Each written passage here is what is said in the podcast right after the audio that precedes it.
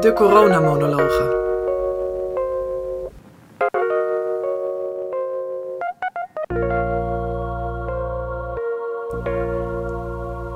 Monoloog 3.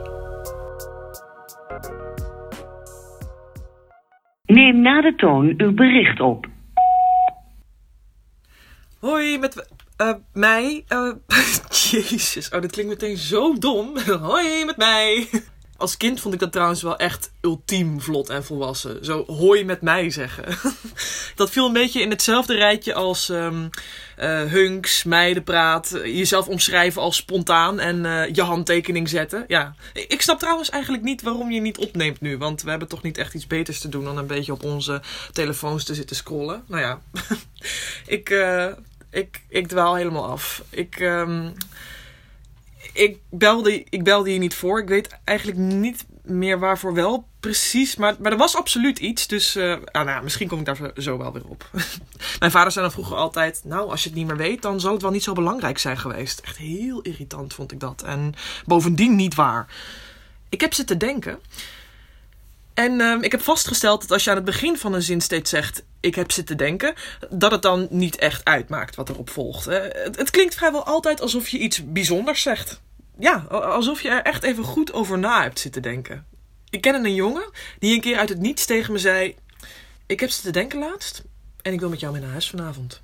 Ik dacht meteen: Oké. Is goed. Ja, hij was ook zeker niet onaantrekkelijk, eh, dat hielp mee. Maar ik had me in tijden niet zo gevleid gevoeld. Hij had erover zitten denken. dit, dit- dit was een hele tijd geleden hoor. Later bleek trouwens dat hij het altijd maar zei om inderdaad de boel een beetje kracht bij te zetten. Je kent het wel, mannen, allemaal hetzelfde. Nee, nee, grapje. Of, of nee, nee, nee, ik neem het gewoon terug. Dat, eh, dat mag vast van je.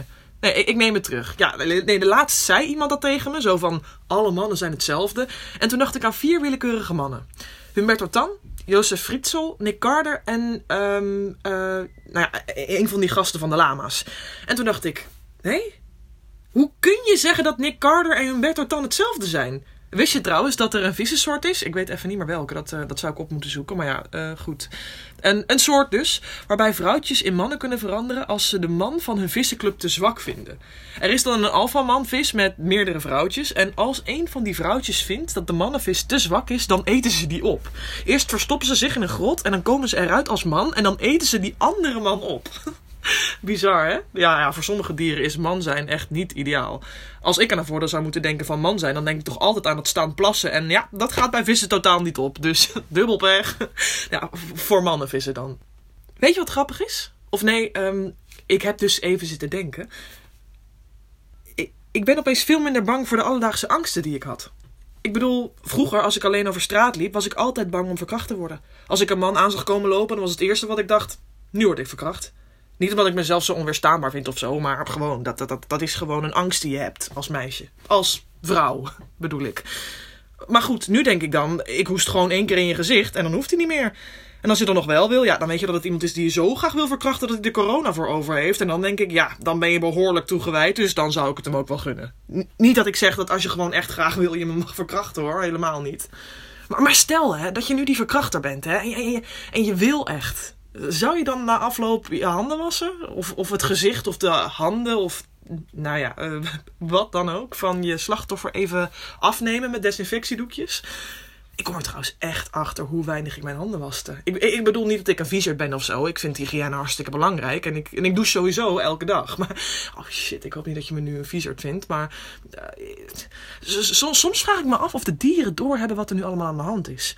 Of de vogels hun veren nu beter poetsen. Of zich vooral afvragen waarom die rare half kaal, half geklede wezens... eh, ik bedoel mensen... opeens geen eten meer voor ze achterlaten op terrassen en zo. Weet je wat? Ik, ik ga zo denk ik gewoon even een stuk brood uit het raam gooien. Ja, ja dat moet ik even niet, moet ik niet vergeten. Zouden inbrekers eigenlijk ook een uitkering kunnen krijgen? Aangezien al hun inkomsten weg zijn omdat iedereen de hele dag thuis zit. Ja, en, en hebben drugsdealers nog werk? Dat vroeg ik me ook af. Weet je, en, en, en als ze dan nog werk hebben, hoe, hoe leveren ze die drugs dan af? Leggen ze het neer op anderhalve meter afstand? Want ja, dat lijkt mij niet echt discreet. Of, of, of gooien ze het gewoon op goed geluk uit hun autoraam? Oh jezus, ik zou best wel een goede pomp ecstasy kunnen gebruiken hoor. Oh, dat zou de boel wel echt opfleuren. Weet je, gezellig maken. Maar goed. Ik ben dan bang dat ik het allemaal veel en veel te leuk vind en toch mensen ga knuffelen. En ja, dat mag niet. Eh, ja, ik, ik weet niet of je deze voicemail gaat luisteren. Eh, vast niet. Of wel, en dan denk je... Ja, ik, ik weet niet wat je daarvan bedenkt. Ik verveel me, man. Echt. Bel me maar. Als je zin hebt. En als je tijd hebt. Ik mis je. Ja. Dat eh, wilde ik eigenlijk zeggen. En oh, oh ja, ja. ehm vlaggenbaarzen, geloof ik. Ja, vlaggenbaarzen. Ja, ja, ja. Ja. Ehm Oké, eh, nou ja. Dag. Je, joe.